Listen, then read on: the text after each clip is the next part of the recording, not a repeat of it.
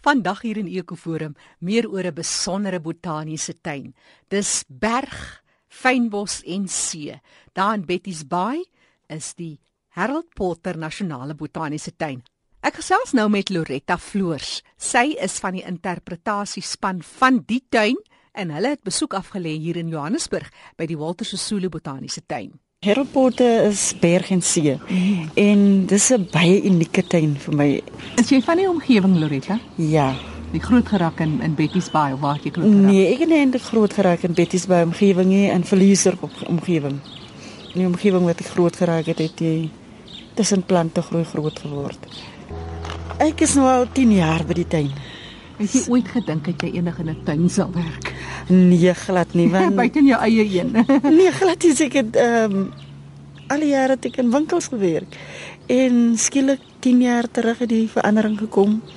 Toe begin ek in 'n tuin te werk Moet en daar het ek potte beland. My man het my gekontak op 'n Vrydagmiddag toe vra hy vir my Loretta, ek sien daar's 'n pos by Harold Potter Botaniese Tuin. Moet ek jou CV ingooi? Hmm. En ek sê toe, ja, doen dit maar.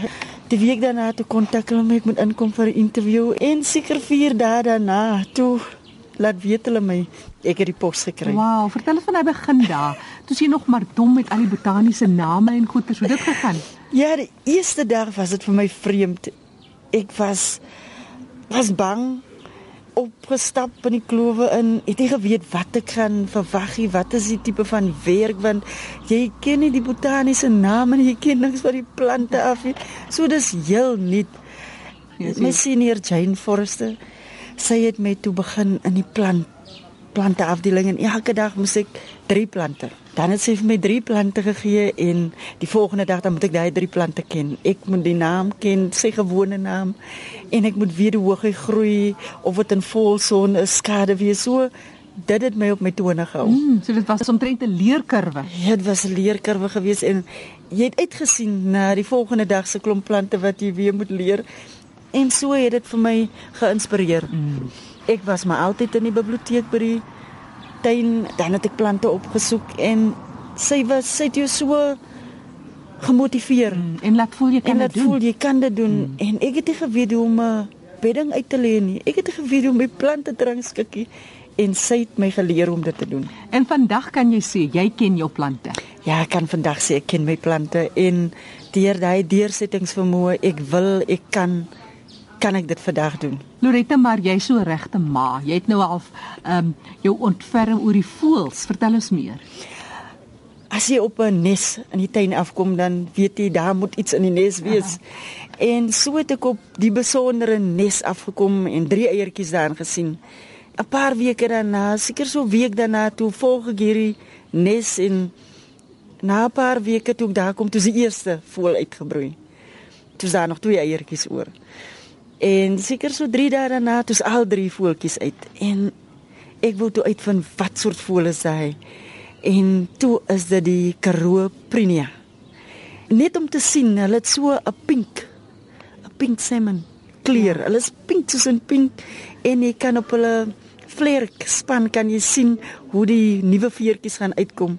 En ek was so opgewonde oor die nuwe lewe. Want as daar iets gebore is, is 'n nuwe lewe, jy's ja, opwindend. Ja. 'n Week daarna, een Vrydag, seker 'n paar dae daarna, die Vrydag kom ek daar en een van die voëls het buite die nes gelê. En so probeer ek hom weer insit, maar toe sien ek 'n boomslang is daar. En die maandag toe ek terugkom, toe is al drie die voëls opgeëet. Oh. So, dis die lewensiklus. Maar dit was seker dan vir jou nogal 'n persoonlike slag amper, wil ek sê. dit was ja, want ek het, ek het afgevoel want ek wou die voeltjies eintlik volg hoe hulle groot geraak het en want ek het hulle van eier stadium tot hulle eerste en so. So dit dit is die opwindendheid van die tuin. Maar dan besef 'n mens seker ook dat jy het net 'n rol om te speel in die natuur. Jy kan nie die goed laat geskied nie. Jou rol is om te sien dat dinge goed verloop, maar dit was deel van die voedselketting. Ja, en om na hulle om te sien. Mm -hmm. Dis hoekom ons daar ons is deel van dit. Is dit die foto's wat jy daar het van jou voeltjies? Ja, dit is die foto's van hulle. Vertel my van dit. Hy sê ag, maar dit is maar baie lelik. ja, hulle is hulle is hulle is lelik by geboorte, maar as jy sien hy oogies is dit so toe, dan laat dit jou besef van jou eie baba ook. Ja. hulle kan nie veel sien nie. Hulle weet nie wat om hulle aangaan nie. En net die vertroeteling van dit. En en en en hoe klein hulle is, hoe weerloos hulle is. Daai is wat vir my aangetrek het van nou, enigiets kan hulle skade aan. Absoluut. Nou wat is die rol van die voeltjie in die tuin? In die tuin Hulle is baie klein voeltjies. Is omtrent is 'n baie lelike voeltjie die ja. ma eintlik. Die pa is eintlik die een met die meer kleur. Wat hulle rol is, kyk, daar's baie insekte. Baie keer dan is daar te veel en hulle is daar om ook daai gedeelte te kan kan ek sê te maintain mm. sodat hulle nie kan oorbevolk raak nie. So dit is hulle rol. Karoo Prenia.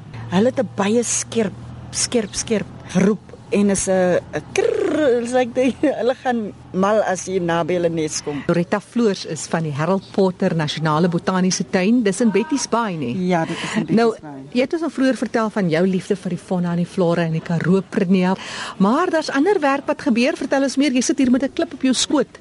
Ja, ehm um, in die tuin is daar verskillende afdelings en ons het baie projekte wat ons in die tuin aanpak. So in die tuin het ons nou uh twee nuwe afdelings, die ehm um, kalksteen fynbos en dan het ons die die skaliband fynbos en dis eintlik die renosterveld fynbos wat ons nou aan werk. En in daai afdeling is daar soveel opgewondenheid om net 'n nuwe fynbos veldtipe in die tuin in te bring. Maar daar is net 6% oor van hy plante. 94% is al reeds weg as gevolg van landbouaktiwiteite, maar met hierdie afdeling het ons verskillende soorte klippe ingebring. Wat jy in hierdie afdeling kry soos die Tafelberg, uh, sandsteen.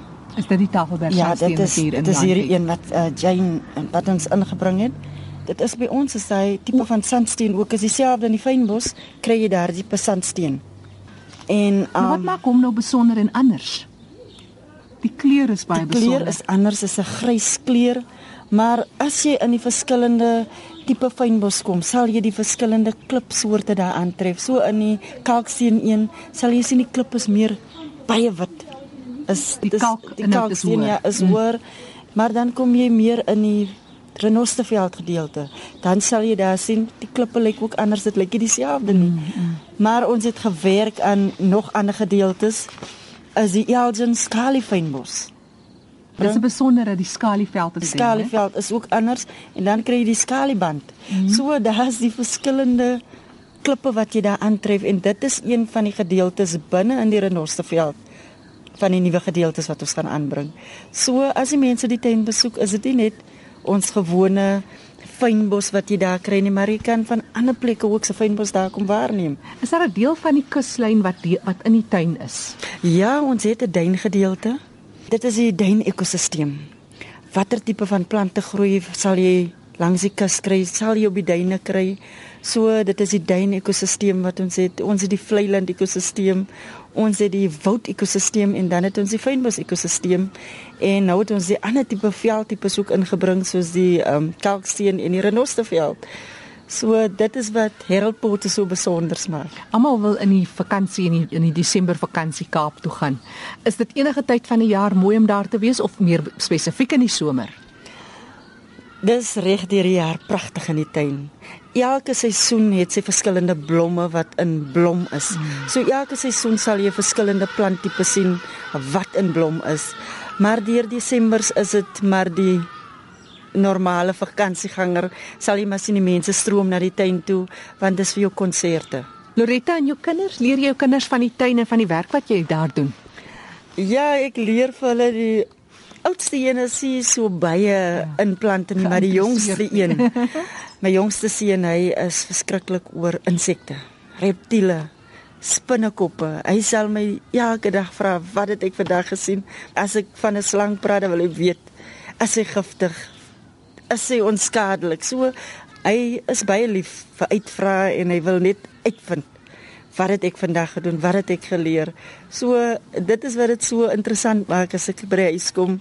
My kinders stel belang. En as jy nou praat van die Harold Potter tuin spesifiek die nasionale botaniese tuin, hoe groot is julle omtrent? 200.5 hektaar. Sjoe, meer as 200 hektaar van besondere omgewing wat afgekamp is sodat dit vir die nageslag behoue bly. Ja. Maar waaroor bekommer jy jou? En deel van die interpretasiespan. Jy en Jane Forrester werk baie nou saam. Jy's elke dag in die tuin wild op duin op waar ook al vlei land. Weet is daar uitdagings wat jy mis? Ja, ons sit met uitdagings soos jy kry jou vloede, jy kry jou brande.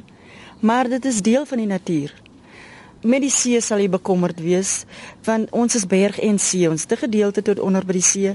By die see sal jy groot bekommernis lê uh, waar jou uh, see spesies soos jou perlemoen daai tipe van goed wat kinders nie weet sal sien nie. Dit is jou bekommernis ook want ons werk met dit. En en dit is die uitdagings wat ons mee sit om mense bewus te maak. Dis 'n lewensiklus as daar nie dit is die dag en daai een nie kan oorleef nie om die plante te bewaar, is daar 'n metode om hulle behoue te bly van jy kan steggies van dit maak.